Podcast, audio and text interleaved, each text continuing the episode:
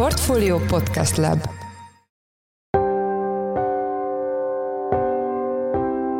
Mindenkit üdvözlünk, sziasztok! Ez a Checklist a Portfolio podcastja május másodikán kedden. A műsor első részében arról lesz szó, hogy az első negyedéves államháztartási adatok alapján kényelmetlen helyzetbe kerülhet a kormány, már nem csak a 2024-es költségvetés tervezésénél, de akár már az idei végrehajtásánál is. Ezekből a számokból kirajzolódik számunkra az egész évre vonatkozó egyfajta alapforgatókönyv, amely alapforgatókönyvet nagyon sok már-már beárazható kockázat övezi. Gondolok itt az áfa bevételekre, ahol több száz milliárd forintos elmaradás van a tervekhez képest időarányosan, hogyha ezt kivetítjük egész évre, akkor még nagyobb lehet a baj, akár a bevételi oldalon. Másik oldalon meg ott van egy, egy, egyfajta kiadási kényszer, kiadás növelő kényszer, amit szintén ki kéne gazdálkodni évközben a költségvetésnek. Vendégünk Csiki Gergely, a portfólió lapigazgatója. A második részben háborús témával foglalkozunk, egyrészt az ukránok tervezett tavaszi hadjáratával, másrészt azokkal a komoly kritikákkal, amelyek Putyint és döntéseit érik, és nem csak nyugatról vagy Ukrajnából, hanem bizony házon belülről is. Erről Huszák Dánielt, lapunk globál rovatának vezető elemzőjét kérdezzük. Én Szász Péter vagyok, a Portfolio Podcast Lab szerkesztője, ez pedig a checklist május másodikán. Kikerültek az első negyedéves államháztartási adatok, a részletes adatok, és bizony jelentős deficitet hozott össze a kormány, ezen számok alapján pedig előbukkan több akna is az idei költségvetésben. Ez azért ijesztő, mert nem csak arról van szó, hogy nehézkessé válik a 2024-es tervezés, hanem már idén is lépéskényszerbe kerülhet a kormány. Itt van velünk a stúdióban Csiki Gergely, a portfólió lapigazgatója. Szia! Üdvözlöm én is a hallgatókat! Kérlek, elsőként azt mondd el, hogy mit látunk a bevételi oldalon az első negyed évben. Az első negyed évben 2090 milliárd forintos pénzforgalmi hiány jött össze a költségvetésben, ez az egész évre tervezett célnak a 61 a Tavalyi és a korábbi évekhez képest ez nem feltétlenül szokatlan, de mégiscsak kiugró érték, és azt tükrözi, hogy valami a költségvetésben egyébként az első negyed év után sincs rendben, és most a részletes adatok is ezt támasztják alá, főleg néhány bevételi oldali tétel és néhány kiadási oldali tétel. Mik a legfőbb aggodalmak, mondjuk a bevételi oldalon kezdjük azzal? Így van, kezdjük a bevételek oldalán, ott lehet leginkább ezt, ezt azonosítani, és azon belül is az áfa bevételeknél látjuk azt, hogy a költségvetés gondban van. Márciusban, hogyha a részletes adatokat, csak a márciusiakat vizsgáljuk, akkor azt látjuk, hogy egy 5%-kal volt magasabb az áfa bevételek összege idén márciusban, mint tavaly márciusban, míg miközben egyébként, és azt a hallgatók és az olvasóink tudják, egy 25% feletti infláció dübörög a magyar gazdaságban. Ez azt jelenti, hogy már belemar a költségvetés hatásaiba, a költségvetés bevételi oldalába a kedvezőtlenebb gazdasági és fogyasztási alakulás. Akkor az azt jelenti, hogy hiába magasabbak ennyivel az árak, és ugye ez az árakra rakódó adó ennyivel magasabb, ennyivel csökkent a fogyasztás, ami ha minden igaz. Így van, a kiskereskedelmi forgalom jelentősen visszaesett, ugye szerintem találkozhatnak ezzel a hallgatók is, olvasóink is, hogy kevesebbet vásárolnak, másképp vásárolnak, és próbálják beosztani a, azt a rendelkezésre álló jövedelmüket, ami nem emelkedik úgy, mint az infláció, mint a 25% feletti növekedő infláció, ezért képtelen a jövedelem lépést tartani ugye az árak emelkedésével, ez pedig lecsapódik a megélhetési költségekben, kevesebbet vásárolunk, és Viktor is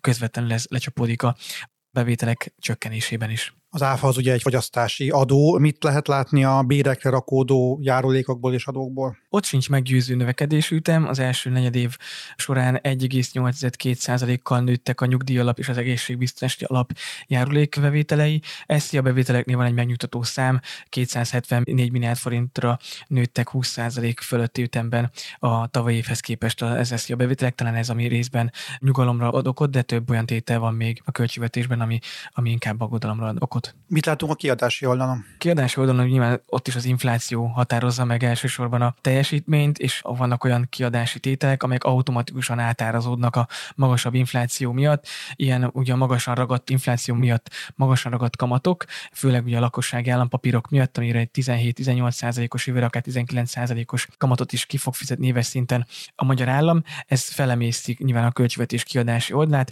Már az első három hónapban 637 milliárd forintot fordított fordított a kormány erre a célra, és csak márciusban, hogy hallgatók érzékeljék, 251 milliárd forint ment ki erre a célra, tavaly márciusban pedig csak 100 milliárd forint volt a kamatkiadás, és ami még egy érdekes adat egyébként, és azt érdemes meg, megnézni, hogy az éves kamatkiadási tervnek a 25%-a már elment. Tehát kihasználta az első negyedében 25%-ot, és első ez nem hangzik nagyon magasan, viszont a korábbi években ez jellemzően 10-15-17% környékén állt, tehát rendkívül magas a kamatkiadás mértéke.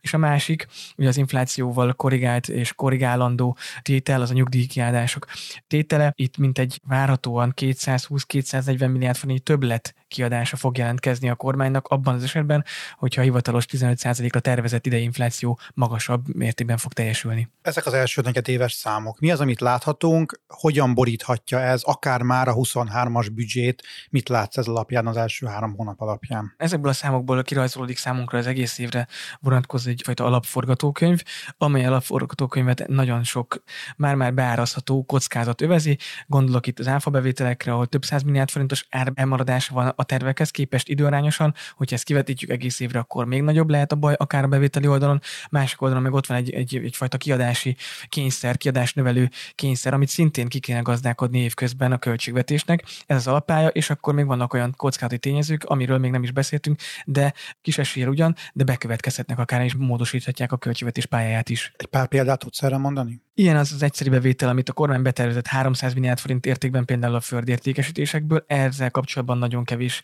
hír jelent meg, és az első híradások is tavaly, tavaly év során már arra hívták fel a figyelmet, ez a 300 milliárd forintos bevételi célszám alapvetően irreális és nehezen teljesíthető, valamint a másik lényeges tétel az a 2014-2020-as uniós fejlesztési időszakhoz kapcsolódó elszámolás, technikai elszámolásnak a következménye. Most csapódik le azoknak a tételeknek, projektnek az elszámolása a következménye a költségvetésben, esetben, ugye az N plusz 3-as szabály miatt a 2023-as költségvetésben a kormány sok esetben túlköltötte a bizonyos rendelkezésre álló forrásokat, akár 10-20 százalékos mértékben, és ezek a túlköltések ugye az államon maradnak, hogyha a másik oldalról kevesebb uniós forrás fog beérkezni, és ezek még idén akár plusz 100 milliárd forintokkal is megtolhatják a költségvetés hiányát fölfelé és rontják az egyenleget. Milyen döntésekre kényszerülhet a kormány, akár még 23-ban? Most azt látjuk, hogy ez alapján, hogy az alapforgatókönyv ennyire borús, és közben van számos negatív kockát, ami, ami bármikor élesedhet. Itt nagyon reális, hogy a kormány kénytelen módosítani akár a költségvetés hiány célját, ugye jelenleg 3,9%-os GDP irányos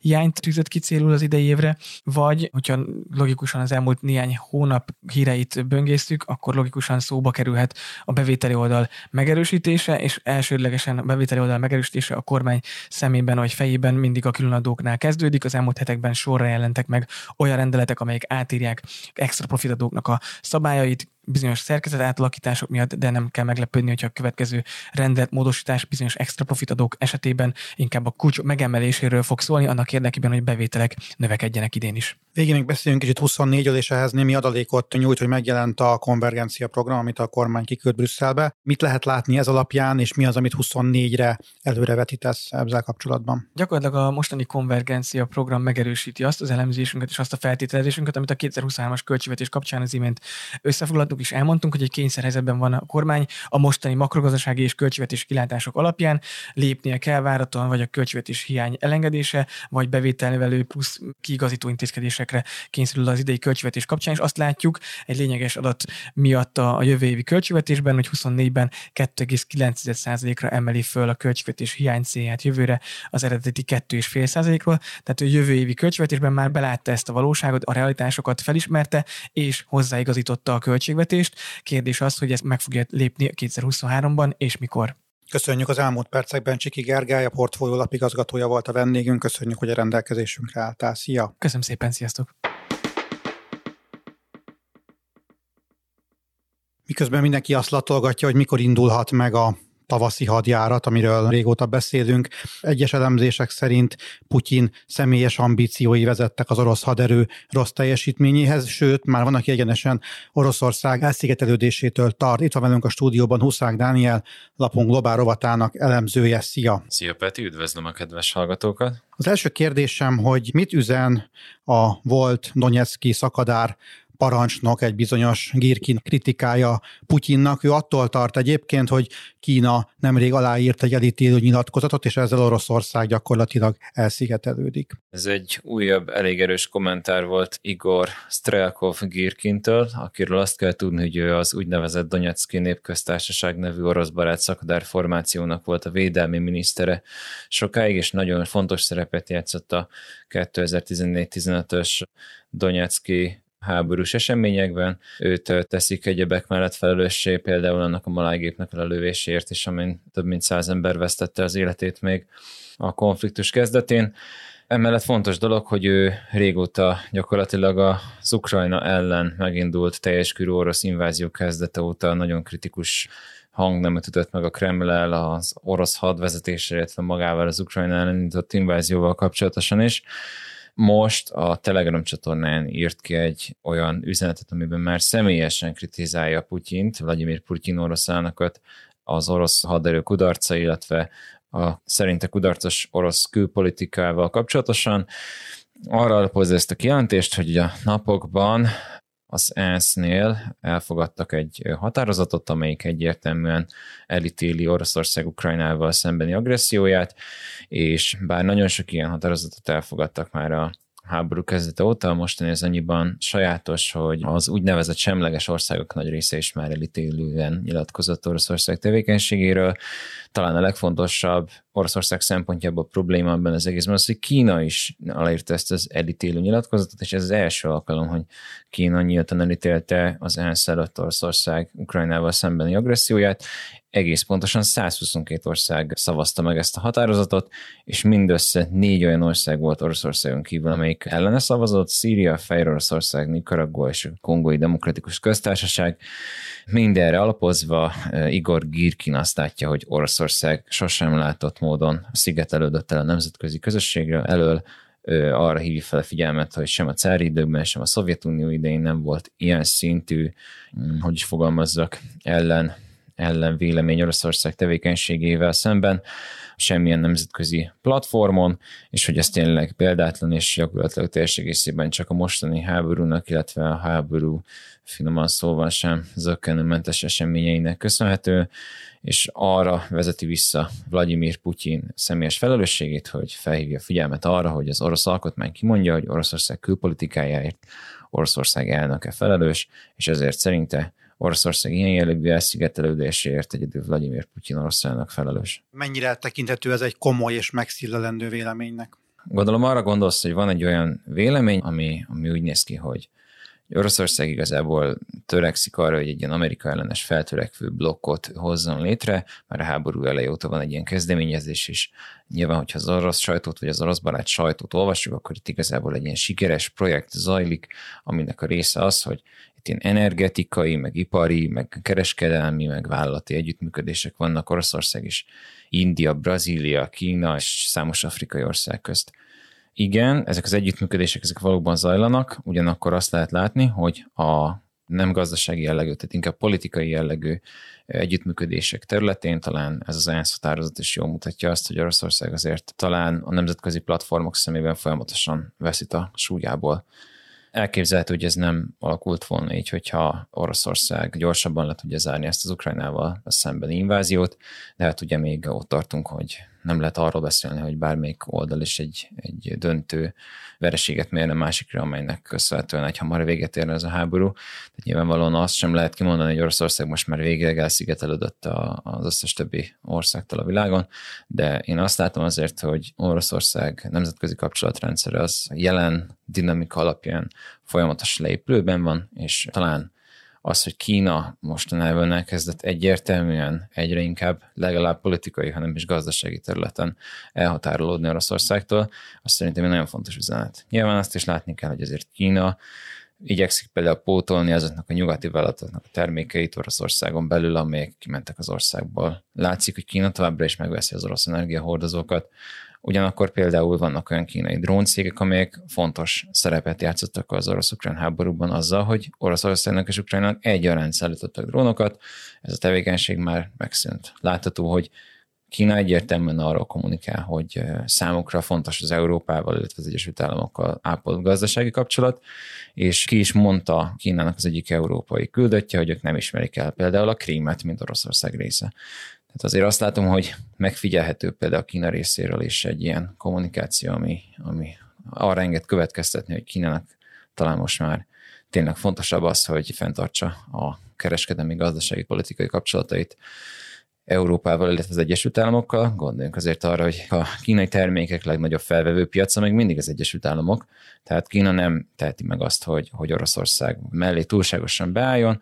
Úgy néz ki, hogy nem csak arról van most már szó, hogy nem állnak ki Oroszország mellett, függetlenül az Egyesült Államokkal ápolt kvázi politikai szempontból legalábbis rivális kapcsolatuk ellenére, hanem most már nyíltan inkább elkezdenek egyre inkább elhatárolódni ettől a tevékenységtől, amit Oroszország folytat, és ez szerintem egy nagyon érdekes fejlemény, aminek a kifutása kifejezetten érdekes lehet. Maradjunk még Putin kritikájánál egy kicsit, nemrég megjelent egy jelentés, amely szerint az orosz elnök a hadvezetést megkerülve hoz döntéseket Ukrajna inváziójáról, ez pedig súlyos következményekkel jár. Miről szól ez a jelentés, és mennyire kell komolyan venni, kérdezem ugyanezt a kérdést, amit az előbb. Ez ugye az amerikai ISV nevű think tanknek a, a jelentése, ők nagyon részletesen szoktak ilyen elemzéseket írni erről a háborúról, és számos Pentagonhoz köthető források van. Azt írják, hogy igazából számos kudarc egyedül annak köszönhető, hogy Putyin személyesen igyekszik irányítani az Ukrajna elleni inváziót, és megkerüli bizonyos döntéshozatali folyamatokban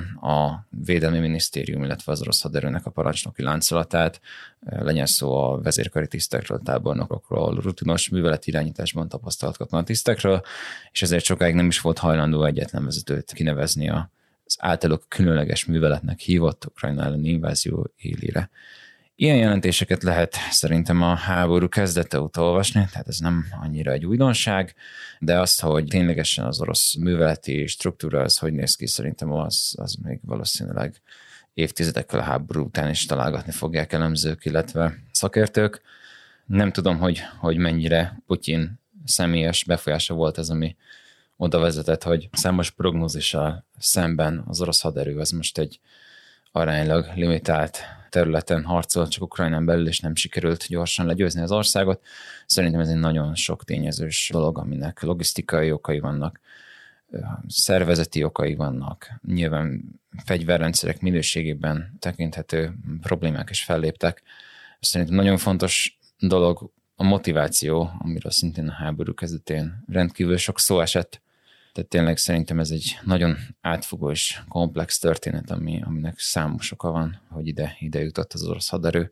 Talán azt mondom, hogy Putyin személye, illetve az orosz hadvezetésnek a hiányosságai azok csak egy aránylag, nem azt akarom mondani, hogy insignifikáns, de hogy, hogy, hogy, hogy aránylag kisebb tényező voltak a kudarcokban, mint mondjuk a személyállomány motivációja, vagy a, vagy a katasztrofális logisztikai útvonalak, vagy a rossz műveleti tervezés, vagy az ukrán haderőnek az alábecslése, vagy a csapnivaló hírszerzés, tehát tényleg mm, számos olyan dolog van, ami összességében a, az invázió korai sikereit ezt ellehetetlenítette. Beszéljünk egy kicsit a régóta tervezett ukrán hadjáratról. Ukrajna londoni nagykövete azt mondta, hogy ez, mármint a hadjárat, már csak a megfelelő időjárásra vár. Igaz ez, és lesz-e elegendő lőszere, illetve fegyvere Ukrajnának? Hát igen, most ugye nemrég több helyről is jött nyilatkozat a NATO-ból és az ukrán vezetésből is arról, hogy az Ukrajnának ígért haditechnikai eszközöknek a 98%-a az, az megérkezett. Ez gyakorlatilag több száz harckocsit, több ezer harcjárművet, nagy mennyiségű lőszert, fegyvereket, illetve több tízezer jó képzett ukrán katonát jelent. Tehát igazából, ha Ukrajna úgy döntene, hogy ők megindítják a támadást, akkor valószínűleg ezt meg tudnak most már indítani.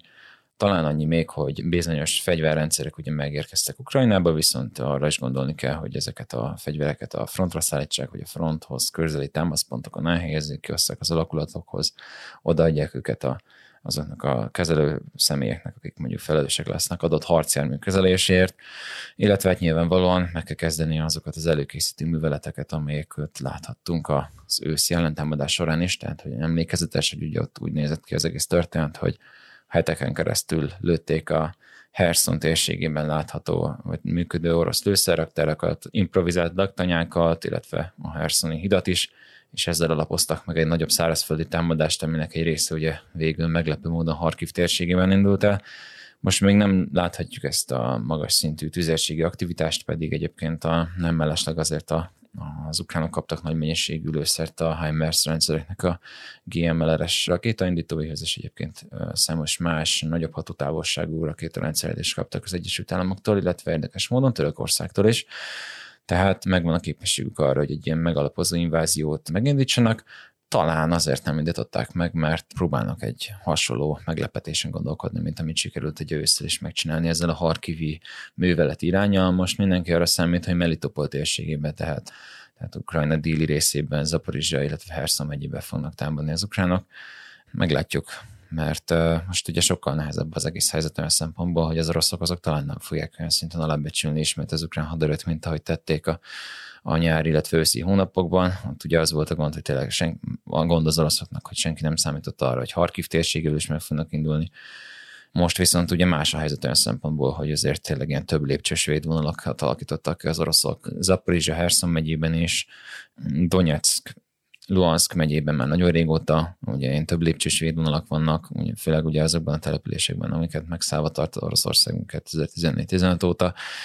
Tehát tényleg azt lehet látni, hogy, hogy gőzerővel készülnek az oroszok a támadás elhárítására, és talán ezért is nem nagyon láttunk az oroszoktól offenzív műveleteket most már hónapok óta, ugye Bakhmuton kívül, illetve az az emlékezetes Vukledári kudarc, illetve Kreminánál is, amit láttunk végül, besült egy nagyobb offenzíva, de azért azt nem láthatjuk, hogy olyan olyan szintű hatalmas nagy támadó műveleteket folytatna az orosz haderő. Nyilvánvalóan ennek az az egyik fontos oka, hogy készülnek arra, hogy ezt az ukrán támadást elhárítsák, és hát ugye nagyon sok orosz vezető beszél arról is, hogy ha egyszer sikerült felőrölni az ukrán haderőt ebben a támadásban, akkor utána utána az oroszok is fordítanak ezen a dolgon, és akkor mennének, pusolnak tovább az ukránokat egészen addig, amíg adják pedig legalább el nem jutnak az oroszok.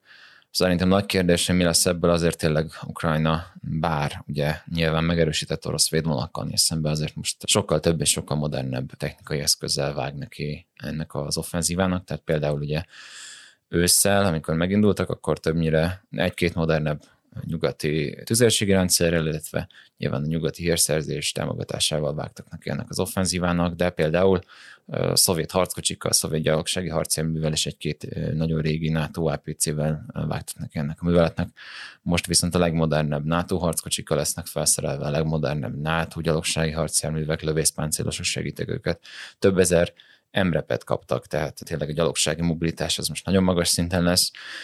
Úgyhogy meglátjuk, hogy, hogy mi lesz ebből a történetből. Szerintem elképzelhető, hogy nagyon máshogy fog zajlani ez, a, ez az offenzíva, mint az őszi, de hogy milyen irányba, szerintem még nem látszik. Köszönjük szépen az elmúlt percekben. Huszák Dániel lapon globál rovatának vezető elemzője volt a vendégünk. Köszönjük, hogy mindezt elmondtad nekünk. Szia! És köszönöm szépen a figyelmet, kellemes napot kívánok!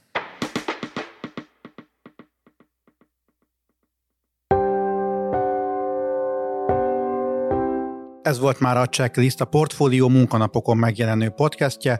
Ha tetszett a műsor és nem tetted volna, iratkozz fel a Portfólió Checklist podcast csatornájára, valamelyik nagyobb podcast platformon, például Spotify-on, Apple vagy Google Podcasten.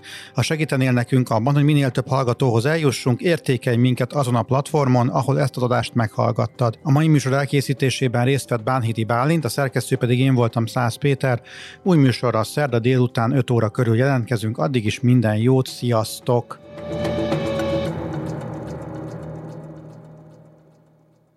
Reklám következik.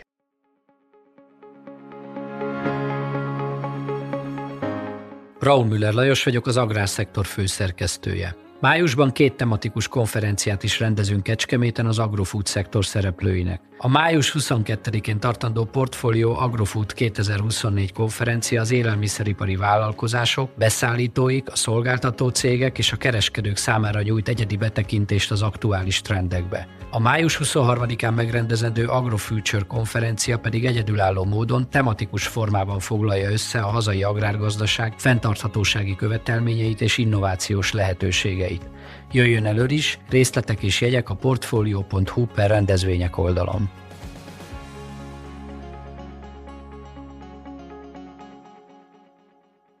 Reklámot hallottak.